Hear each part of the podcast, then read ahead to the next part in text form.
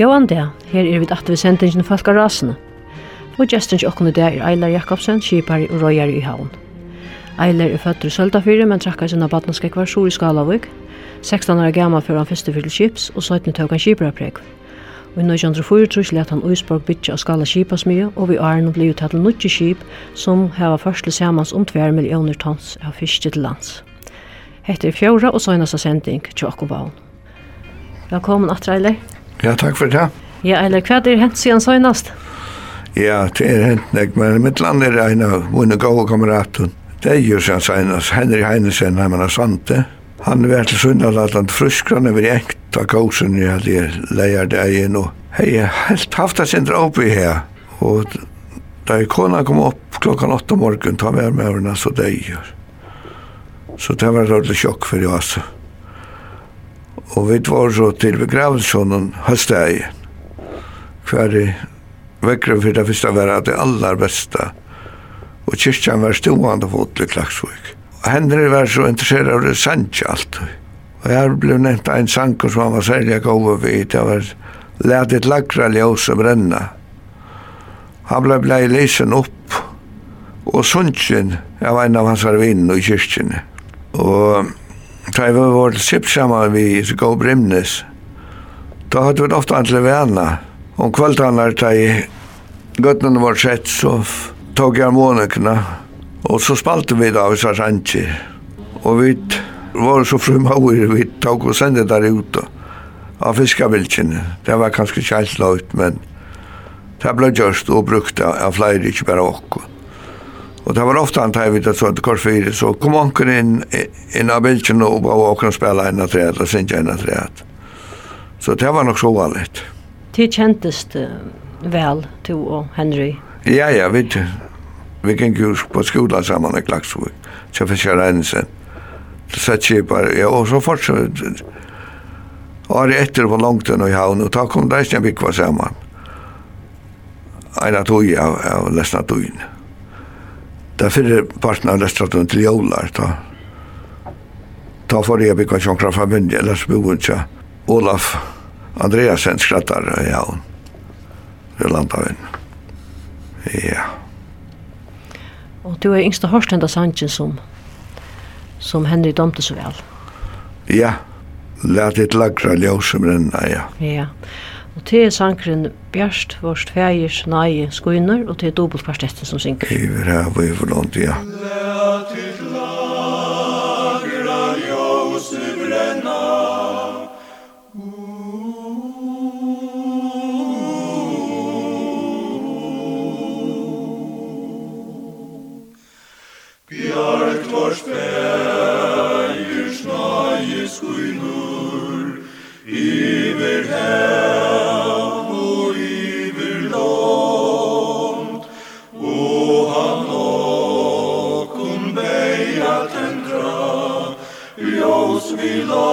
sjóar strand Lät ditt lagra ljósi brenna Lysa bjart og slökna æg Så ein skulda stött i vanda. Finna kan tja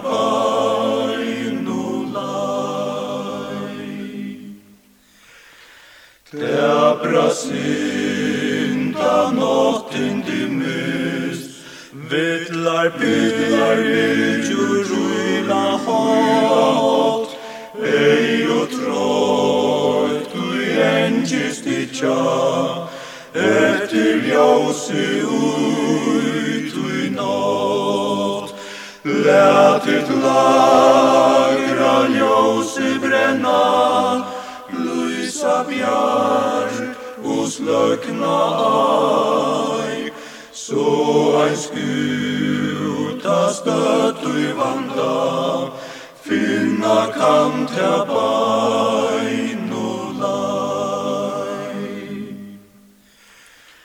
Byrt ut vai, kall mun brauer Frelsa kamst du om kun mai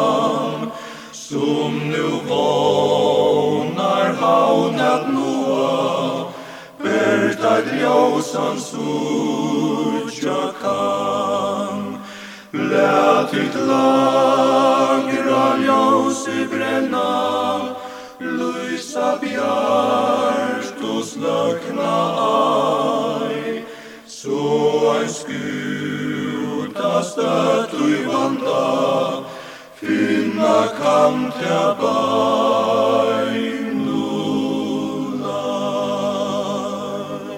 Eller ta i tid kom heim vi Sjølborg i Sjælfjers, som nøybygningen Sjølborg. Det var noen hending her som du atleir fortelle okkur. Rekkeskip, ja. Ja. Teo, ja. Familien var vi, jo her midtlandingste sonen Sjølvand i Eisne, han var ikke mer enn tvei år gammal. Han gikk så fytter av brunnen vekker var godt. Og her var et neistopp, det var en løyte pera som lyste rett. Så var det pulten atter etter her som spullen ellers ville kontrollera fra. Og så, og han er, kan nå stoppa kipet. Maskinen var nå Ebert Olsson, han rann som en kakelakker i maskinen om han visste hva det var en. Men så fann han at det var noen i pilkavene. Det var jeg sluttelig rødtje opp på etter reia og trøst av han. 2800 hestar klarar jeg luttelig å stoppa ved en fingse. Så det, det var nok så skrek. Men det ble bare en later ut til Det er som maskinen var fan och tog kvärt i varje så så ble jeg sett igång det att då. Vi ser så vi är utan eka. Og henne kom så den där och och synen ikke at det blev så mycket vaksne at det slapp vidare till til kips. Hvordan føltes det här här va såna äcken syne vi. Jo, det fälldes godt, og det har vært vi allir. Sjølt om tvær blev sjåmann på Reau, og Peter, den mittaste, han ivetog kantoret sjåk. Så han var reier jo. Fyrsta turen var vi som mest dronker, og så var så vi några turer, vi som imisk skipen tjåkon. Men så hei han last som timpe med av regne. Jeg skifte, ja, vi halte han blei slivet, ja, men så nu er det gav rad. Men så kom jeg nevne etter vidt han som kjøpte rækna fråk, Nils Rasmussen er jo. Han bodde at vi Aalborg. Og så er jeg pena der, nu ringer jeg gav Nils, Hva faen vet vi bedre? Ta jeg bjør jeg noen arbeidsjøs her. Og her var han visst en trujår. Og det passet jeg vel, særlig at arbeid som bedre fikk at han åter kom arbeid Han kan av kantoren tjokken mittlanda, vi å selge rætjer. Så han treis vel nere her og var vel domtreis nett hjemme. Og henne bajer, tar fortsett så som sjåmen. Og den yngste han var vi kan gjøre heimsmyhet. Nu tog skipet så nekv da, så tog ikke nekv det som den møvleika. Men han fikk så skipet smekkfullt, han tog i 3000 tons. Og ingen andre båt jeg tog meg enn 4000 tons, så det var nok stort litt jo. Men han sier at han også at det var røylig hardt, han visste at folk fyllte vel vissa reima. Så han var røylig spent. Men det lukket så fint. Det var også noen døtter, Gjørtisur, hun er kan vi vittar til kjips. Jo, ja, vi ikke, men altså, så, var det öll vita vi rundt under Ritsalska gratjen. Og hon er så gift i Kallafyr, og det er jeg fyra deilige bøten, den eldste dronkene er og den yngste gentan i tvei. Og så er inne på, ja, og saman han er så veri høyskipar tjåkon. Inntil nu, da senast. Eiler han skiftes om, og så en vestmenning med Torstein han, han, han får vi att nu ta kiblar selt. Ja, eller nu har vi sitt här hette fjärde fjär och bänt där hur sitt och kan att en sitt så trofast till tjakon och det har alltid vi för att lov henne från mig att ösna så jag kost. Bänt där kvar du också mer spurs till hur hur är det att vara sjömanskona vi en mann som är så näck bort. Ja, han är väl jeg borster, og och jag vill ensam väl bøtten om. Men lad mig bare sige først, da jeg ellers nevnte jo om bøttenjåkene, så har vi sammen vært skipere landkjene oppe i Solborg, Rætjon og så Kronborg. Og han har jo også gjørst det til meg til Øsland, det er største lastet som han andre i Øsland. Og det er ikke øyla godt sett dem nå. Så gjør det sånne det være til skip, sånn var vel kokker vi Solborg der for nere samplasset av Frankarvits. Det er ikke fint hon og en annen som var vi Ja. Jeg har haft en sjåmann alltid, at det har ofta vært Det drick vever om vetrarna var så jag kus jag lockar boja center i kväver vi krypet till anka då jag näkas. Oj storm i affären där. Här var inte gå mamma vet. Men vi bor i havn ut allt bor i havn och jag har haft föräldrar som hjälpt mig öliga väl. Jag kan ta tog in att det är små.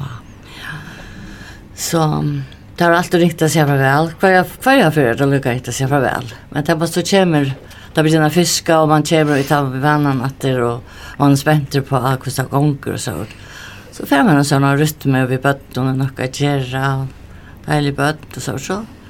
Jo, jo, det skulle inte bara vara så. Det var inte annat utöver än det. Ja. Men det var så, får jag för det med hemma, det var så, vi skärmar inte. Ja. Jeg var alltid med jeg var litt sint og fortelle henne litt om søvå. En av forrige sted så var en annen ung kone, og med var henne for vi, og var øyelig kjent. Så rønne var ikke trøst henne, sier nei. Hetta vil bare ut intar var når du lever, så det er glønt. Men det var ikke akkurat så som vant det. Og Nei, det var rett annet utsendelse. Jeg trøster henne vi tror altså, at dette er det ringast. til Dette bakka fra og man minkar. Så kommer man som vi sier igjen, så kommer man ui igjen av rytme og spent løk meg. Ja, det er det. som du måtte at det ringast var at det var ferdig til. Ja, ja. Det var ikke det over alt, nei. Nei. Nei. Men bare at du ikke bare vil en vanlig sjåmanskåne, at du vil også være formøver i nevnten til Røy Røyno. Ja, ja nekva var og det har jeg følt meg vel ved at jeg lærer sort og alle de der jeg kunne folk nei, jeg vet ikke. Nei, nei, vi tar vært sammen om alt. Og og ene, og da man er sammen så, altså, jeg var vi jo i Estrenande til Lottene, en, en hest, det var ikke hest, eller? Jo, Og det var kjelvev, kjaskvev, og så ble jeg spurt om ikke var av bensjen, jeg sier, nei, enten er bort, eller er det tog jeg sort alle det eiler at her alltid gjør det, at jeg stens av rundt. Det er ikke funnet, vi fikk fullskip 15 timer, eller hva det er? Ja. Og da, hva tog han ta, 15-16 tøka, så var det svært fullt. Ja, det er ikke funnet.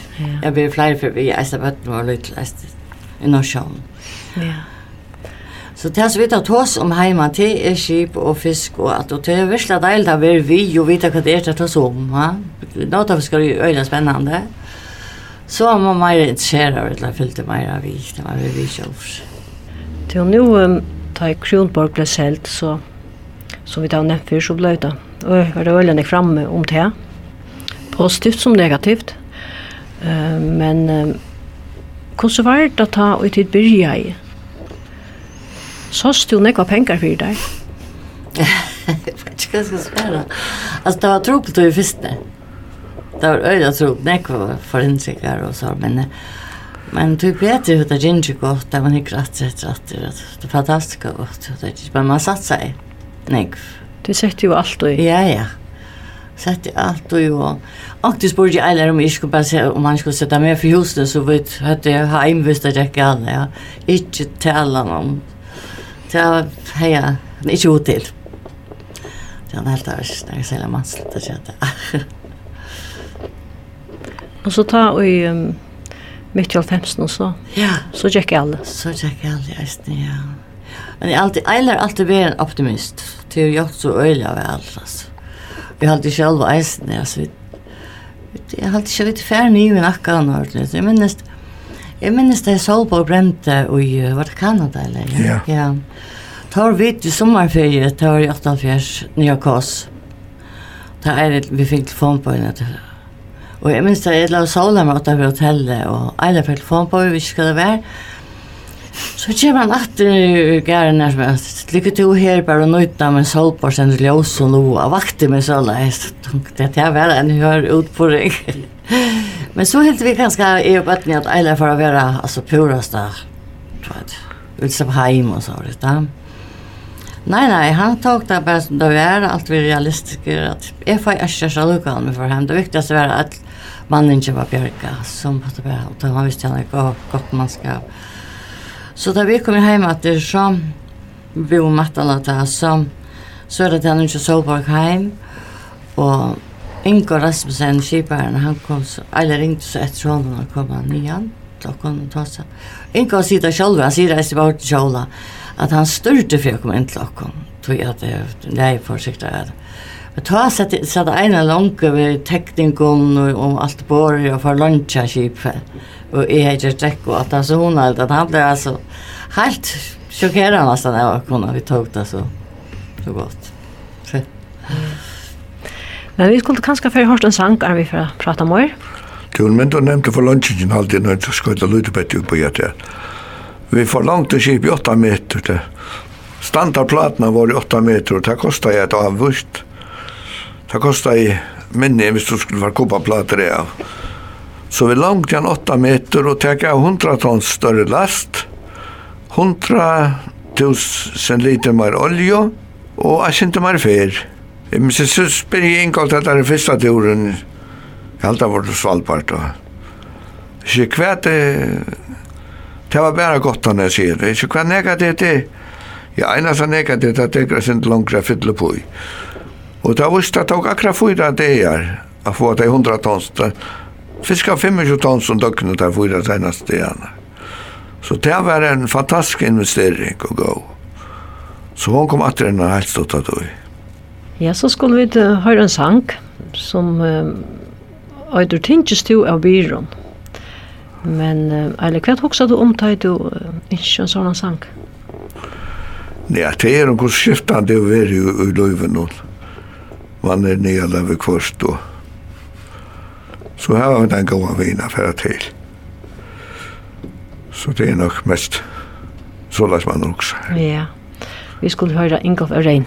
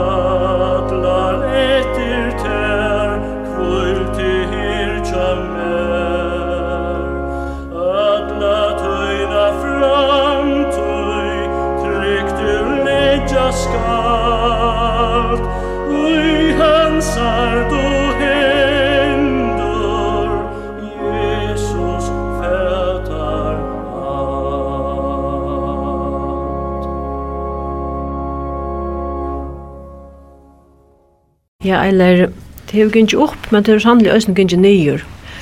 Uh, vi har berg gikk ytla til øyne tøyene. Kan du fortelle oss om det? Ja, det er vi fikk en øyne trobla byrjana. Jeg ble ringt opp på norra en penna det og sagt, det var et skip som stod holdgjørt av norska skipet smedje. Og ta begynte å blåse en trobel for lottene, så tar som bytte jeg til skipet, det tykte.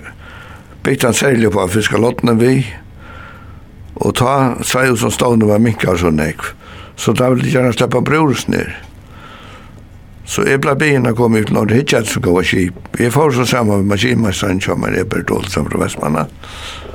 Og vi ble veldig imponere av sånn skipet. Det var størst og fullt ut. og vel utstørst. Så vi smekket bare til. Men ta vartan og så leis for jeg få en nytt skip inn, så skulle jeg ta nordflåtan. Mm Og det er ikke ikke sånn, det. men vi fikk så fætre på Laris, som vi kunne kjøpe ut av Flådalen. Det var noen siska sånne klagsvug som måtte han ta. Og han aldri vi måtte betale 11 millioner for, for jeg får Haborg inn. Men hvor ble vi litt sånn som han ikke tar noe, det var ikke skip finnes jo Flådalen. Ferien er så god på Laris kom, og på Leidjen og løste til problemet. Men tar du lige fyra månader, bunden, svinna bunden i Kotlafyr, som man sier. Så det var nok så hardt. Det kostar pengar kvann ordna så det. Ja, og det var enda har några kvoter var det komna som så.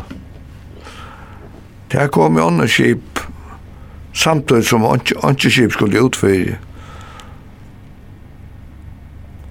Jag åt han över personlig, så nøys jeg nämna etter av dem och få skipen som kom. Mm. Andreas Kvannasunde, ein hekketrådar som fiskar i svartskjaft eisen. Så det, det var en hørtøy. Så lukkast det til å enten å få Haberg av sted? Ja, ja.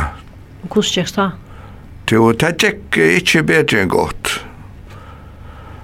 Det var visste så vi var så heldige da vi var ved nåt, kjøtt om jeg var ikke annet gjørst utenfor skal vi nåt med en barna min løyve. Det visste jeg Nåten snurrar så ytla på veien, på veien, snert på veien. Jeg minns godt han ene dag, vi tatt jeg finnes kastet om en så veldig jeg stem, og finnes han ui. Så tjan fyrir man sånn enn, hvordan jeg hvordan han var astisk. Og vi tatt striva han jeg få åringa var sikna nu er at det gæl. Jeg halte vi lov i meina døgn og greit. Så kvar med var så ut av sauer.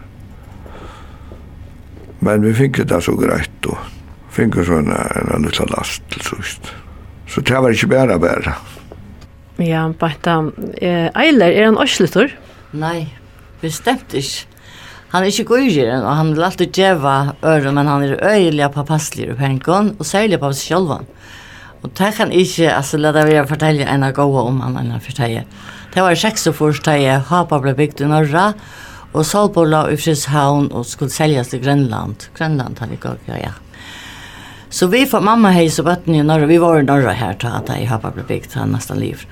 Så mamma var vi, og hon hei så bøtten, men vi ble for Danmark her, han skulle til for, å han at selja. Så han, og det ble funnet som bor, og her var Eiler, og jeg vet ikke hva andre føringer, men det var her skulle kjøpe han, jeg sikkert sikkert sikkert sikkert sikkert sikkert sikkert sikkert sikkert sikkert sikkert sikkert sikkert sikkert sikkert sikkert sikkert sikkert sikkert Så det er en liten på i Fredshånd, så jeg tjekker strøyen hun og høyga meg nå. Råper Råpar at han fyrer meg. Beinta, beinta, kom her. Nå er det eiler her, for vet du hva, jeg har sett uh, i en forretning kyrster i utsalg, gå og skundet ut at det bor til meg ombord, Uh, det kostar bare 25 kroner stycke. Jeg har alltid kjøpt fær. Jeg sier, Olvar, hva er du hva? For det tar bøye her. Jeg har blitt selv til för en 40 millioner alltid. men vi bara för att köpa kyrstutsak. Hade det mynt av honom, men han er aldri bara gojig i honom, men han er väl doa vel ved penger. Ja.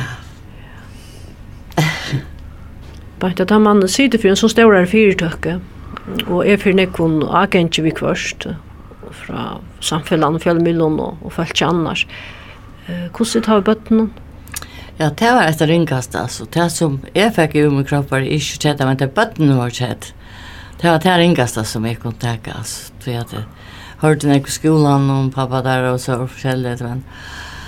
Og det jeg sa at en av det var tjett. Da kunne jeg bli så rasende, men annars hadde jeg ikke at jeg hadde vært så tjett av.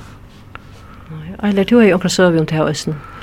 Ja, nu nämnt att han är den så nu kommer Samuel, den äldste sonen tjocken. Han har kanske nog särskilt typa, men han lyckas väl.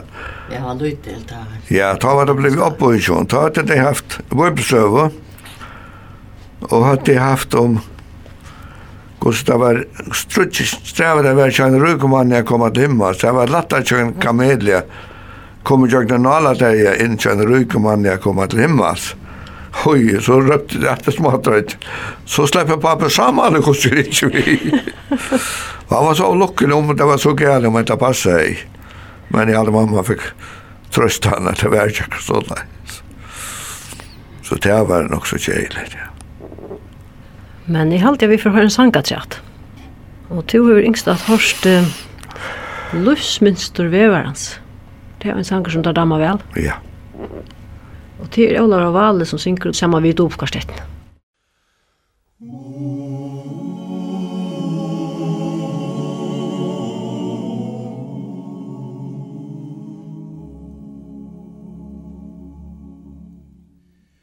Um lus mis reflecticis vera o hubes leis vivarans lus og mengter som tungter at bera, og vikna til riande knø. Om sanser og evne en bila, og menningen tarna en er. God hevor tov altså til kila, at brik ham til signingar gir. Alt ikke som endar og knutar, og lus mens vi rengvar ser ut, som lepar og klottar og knutar, du nøyvist av sorg og av syr,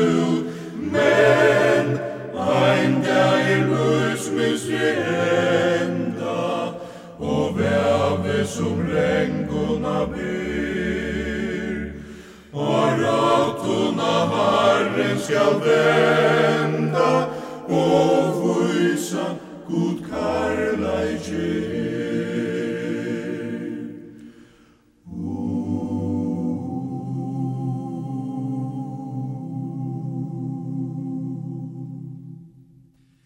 Ta skjuttelen ei meira gongur, og gudre vår vadmale fra.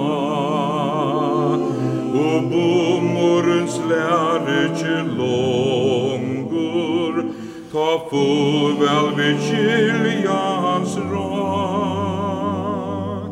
Hvor just inner myrkast og tragrer, som gylla te ljósast og bond, ui mig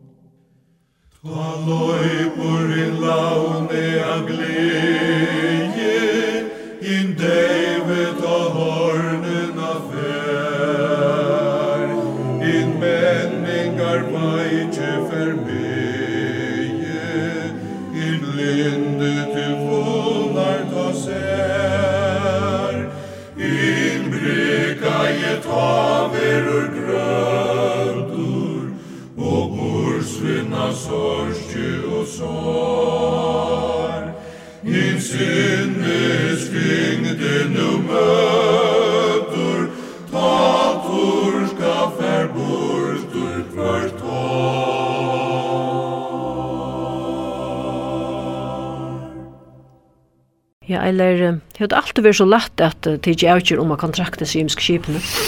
Nei, det har vi ikke si. Men nu er jeg født til optimist, det har vil gjort nok så vel på det. Nei, jeg kan også, jeg kan minnes at vi nå skulle kontra Hera Kronborg, som alltid var kommet opp under 1 millioner. Da var det satt vi nere i en hotell i Kjeppanhavn, jeg og drangene, og og okra annan rådkjøve vi. Og jeg var et løyte sindri iva. Så vet jeg som han sier, rødt sier vi med, at jeg går ikke i Bibelen, vi du ikke kan finne onker rådkjøve her. Jo, så åpner jeg Bibelen, og jeg kommer ned i Prætikaren 11 og 4, hver han sier, at han som alltid hikker etter vinteren, han kommer alltid å sova, og han som alltid hikker i skudgen, han kommer alltid å hesta. Og jeg takkar for Erik Lamsa i Bibelen saman, og så hette jeg at dette var godt bevis nok. Og det er den etterskriva vi svuntur. Men det er ikke det jeg hørte fra flere såkallet om klokomånden som hilde det hos seg sjølver.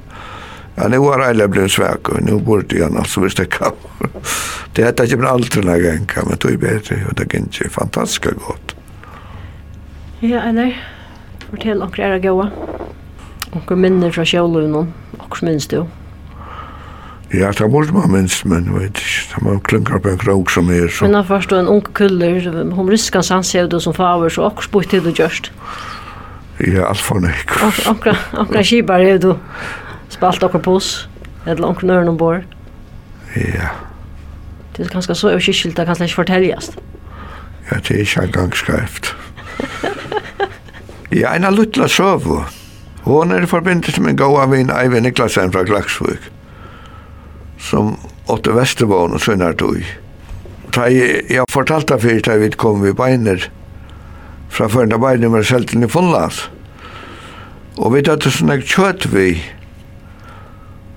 Så jeg visste det var nok så, så løy det ljøren, det var nok så ringt å få hele Oksafjøringar i Fondland. Så vi tatt kjøpte masse av sin gav Oksafjøringar i Førjøn. Hva du hadde fristende gjør. Så da kom jeg inn i Fulland til Fisterbyr. Så nå kommer tattlerne på og så oppdager alt dette kjøttet vi til hava. Det var slett ikke. Og for jeg var sikker jeg ikke for vet du, så ble programskapet forsekla, og her ble det så veldig inntil vi kom ut i tomater. Sjåmarked, så fikk vi han kjøpet datter. Men det var begrennet, jeg hadde vitt at denne fyra heila fjordingar etter da. Så tar kom ut at han flämmer i skap, så, så tar seg vi med gåa vin, Eivind Niklasen som var kipare ja. av Vestervån, og spurte om tar at att jag rotlan kjapphyta. Jo, ta. jeg kom vi alveg helt, da var turen blivna sin langer så att han. Och jag hade vi og fyra heilar fjordenkar och buntat där samman och gått här ubor og så kom Vestervån så nært han finket der. Så det ble ordentlig ordentligt brittlös kosten och börjat att jag med då. Så da kom inn at næst for da var jo ikke kjøtt etter. Og Etter tid har vi vært vi som familie, bæg og selt og ta i kjipa har vi bygd og sånt, at, at familien og bøttene. Og akkurat minnelige hending var det fra tog. Ja, vi tar vært nekv og vi tar kors at anmars og sommer ser vi tjekk norra opp til Ostavik, det var her kjipen ble bygd. Og og haft eilige turer her, og vi tar vi nekv i Norra, vi minst enn for seks viker og jeg køyre et familie. Hetta her var i 3,5 minst hei, og et familien til Eiler og mer var i eisen til alle minst i 3,5 kronborg, det var godt vever eiste sommer. Og så ble skipet livet, men, men ta manglet å male akkurat da, at dusch, ja, duschen og noen går. Så tvær, det er ikke noen, ja. Tvær normer kom vi, ingeniører fra Veften og Amala, så de tar Amala i et ven, og det var så godt vever. Og vi var nekk, vi vet øde familjen og mamma, pappa og flere. Så nå kommer hun gjørtes til okva tjei år, det var 3,5. Hun gjørtes vekk og hon var ikke å finne nekras ødleita i mannskap og vit öll, öll var pura forskrekt. Og vi får bare så, altså, jeg vet ikke hva datt nye bor, og det her er sånn ekva stress av dette, og var pur, altså. Men endelig, det, det var ikke så lenge, det var virkelig rævlig lenge. Ta fann okran en skorstadsrum, eller ja. Hva var sauna her, skorstadsrum? Oi, da var det. Jeg lattes, jeg minns pappa, hos forsikta, han er lagt seg å sova. Hopp. Og vi ødleita i, altså. Det var et kjeilt opplevelse, men det ble enda godt. Ja, det er något nekva så det om bare köper og det utav vägar med det er bygd. Men så eller var en från bor vi samman har lite så för nye maskinrummet. om. Vart och vet at det er ett och vis just liot. Det sa man faktisk spel. Ja, det tatt han. Ja. Ett rödden i mitten også, så kan jag. Och eller att det attack om inte lov att så igen men men altså, han fikk gjerne gärna og skulle skulle vi var så hotell och vi nu bor i hotell och hotell där så det vet det är så öla något så så småbotten och detta det är så chips så den du är ju i att lov och det har bo ombord äsne men det är just det säga ja ja eller vad är det bästa chipet jag där Det har alltid är Solborg. Det var vi har revolusjonere. Alt innanför Siltafjörn eller nauta fiskskap, jeg heller ikke bare med makreli og låt nu hva det skal være. Så det er, det er aldri fantastisk. For det første for dette gav kjipa i tankar, så tok han fyra fyrir så nek som en vanlig i båten vid kassan, ja, han ble sødd. Og hvis man fikk et godt kast, så vi fikk beina veien, og hela Santiabankan kassar tvärfyr. Och som jag har nämnt för det blev 2300 kassar. Och det var bara det var bara timmar så var det i och för sig så allt kom ner i tankarna och kallt. Och så får man sikla Stäffer vissa var som vi de vanliga kassabåtarna. Så skulle man ha, ha kast upp av sugen av lunch lantje, så har man en sintren och dätje. Och isa och så annan igen. Och det är så så rävla lantje. Så fortjenast han hun blev ja, flere finna meira. Og det vil sija, det var ekkert positivt, den rett vi. Ja, bare og skip, det kan brukes til mengt. Ja, ja. Jeg minns det ene for, det vi var langt i Norra alltid, det var gamle såpa fra Kjell, til reier såpa. Um, Vi tette måta framsynningarna från Borbjellet inn i nekva koner var vi tja mannen og Elspa, vi kan ikke være som hever nuttitju måta forretningsen, hun var vi. Hun er vei måta mens i København. Jeg vet ikke, hun skulle komme heim vi okkon, og så hei hun finnst jeg nok så nek kjept inn her, og det skulle heim vi sove på. Så fink vi til hoskot at vi skulle færa hava måta framsynning i messen i vår. Jeg minns Gjørtis, hun tjekk uh, man keng, jeg minns ikke alt vi anna, men Alltså det har jag varit ofta flänt efter att vi att du gör det till att att det var så stort lite och det har var inte öjla vi alls var vi. Så det kan det brukas till läst. Skal det være forretning, så skal det være forretning. Jeg har hørt at møta framsynninger nå om det ene ute i Kibasmin, så det er ganske sjøvanligt. Nei. ja, nå er vi kjøtt kommet til enda nisser kjentingen, og Og til bæg i tid. Ja, og sitt her så tro først og fyra manna dere er det. Hva det alltid å si av lufterne nå, er vi gjevast? Ja, vi tar det er takka for det. Det vi har rukt løy vi har haft og vi tar beværa i og takka god for alt som vi tar finnes seg. Men jeg kan fortelle en av søvjetret. Nå får jeg helt at det tar først når vi var gift det var, vi var rævlig ål, et ere er old, ålug, ere impulsiv, og han tar ikke så rævlig enn jeg kvalt. Og man først vi var gift, og så skal man bygge sammen, og, og et ere, så... Jeg minnes da vi var så ofta sammen, da vi var forlovet i Eiler, i rett noe sammen Og jeg har ikke idé for fiskaroi eller noe som helst. Men det sommer i husen eller noe. Og det ble tås av sang og musikk og sånt. Og Så nu har jeg et her og fisk og skip, og jeg forstår ikke kvekk av nøkron. Vi skal ta oss at tyvärr. men... Men så helt är at jeg lurte etter timen som vel, at nå kunne jeg være spyrja okkur som er så øyla fornuftigt, så sier vi, eller, eller hvordan vet at hit hver til fisk og isfisk og hver til fisk og saltfisk? Og jeg sa, eller hetta for alt som er genka. og det er så, når så stod det, nei, så sier jeg ikke mer. Nå, men jeg fikk, Da at det ble et et vi var Jeffs forteller han om så er utvarpet vi tonleik, det er klassiske tonleik fra en Døvra. Og så sier han et stykke Allegro, vi spalt, i mitt akkur, ja, men Allegro. Så sier Eile, men du bare en dag før er hans Allegro, han alltid har jo utvarpet nå. så fikk jeg et et, vet du, men så gjerne til jeg, jeg lær meg en fisk og han var musikk. Ja. Så väl att du kunde styra felan så förmål du när kvar. Ja, nu är det just när kvar jag vill lära. I ja. fjärde. ja, eller är det några skäl som ska ha en attack för dig? Ja, för det visste allt som man var lusta. Og vanande at det finnes ikke noen poster på Ruresen i Sentikene. Og en av en, som jeg har nevnt for, alle de menn som jeg har omkring til alle kjøren som har vært sammen med meg. Og vi vil ha bygd dette opp til det som det er i det. Taimon skildi i en stora takk og, og helse. Jo, men hun er enn i hans næra mun muskalska, så alt i den ena lutla så vi har dreat. Vi tossa om trollemmar og og hon var, fekk chakra via til her om så trollemmar. Men så tenkte hun, så skulle hun spela mera på så så Så jag tog du selv, själv dig med si at att vad störst det är det var Ja, det kallar jag kjelt. Ja. Jo, ja. Så skulle hon och komma vi en ordet jag sette meg skaka mot. Så sier hun, broar valser, hva kvart årständer han nå i? Jeg kjenner Det var jo pura på tog för tant skulle ha gått for P. jeg är inte han jag det bara smäcka. Det var bra marscher men gott. Ja, och så. Og det var rätt. Det var så snurr på her. Som så mekt Anna Plettskått til Eila Jakobsen. Vi er kommet til enda av disse sendingene.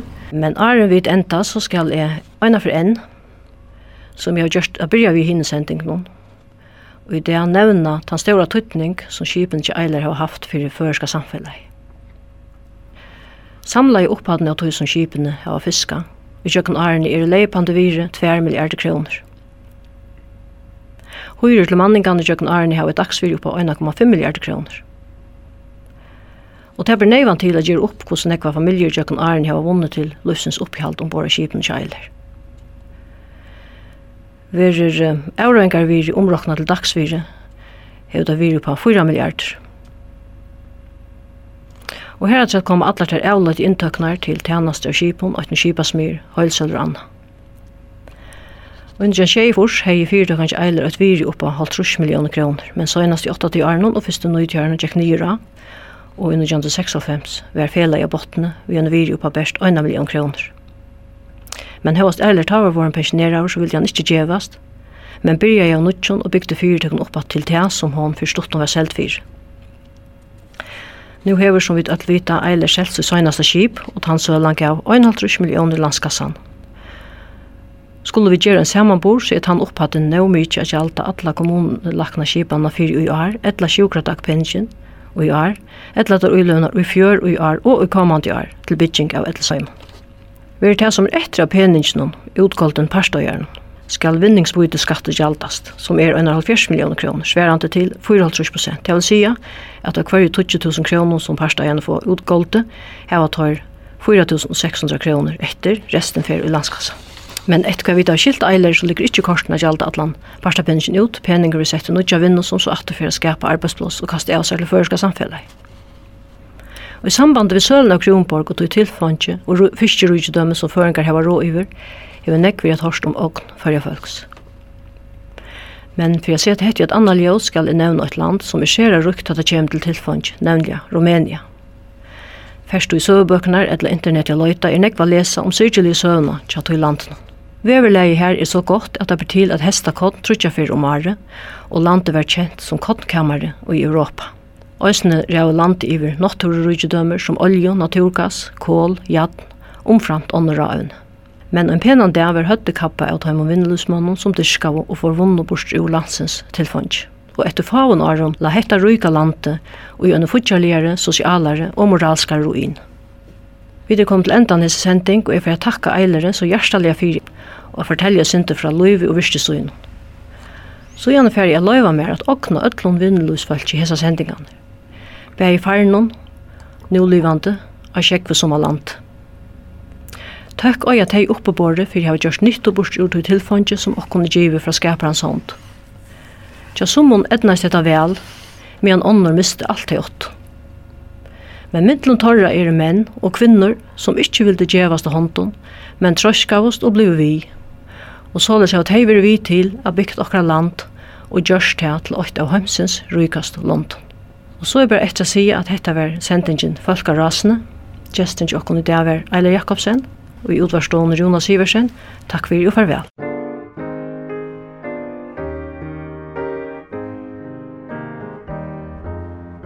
Torsdag er hans komme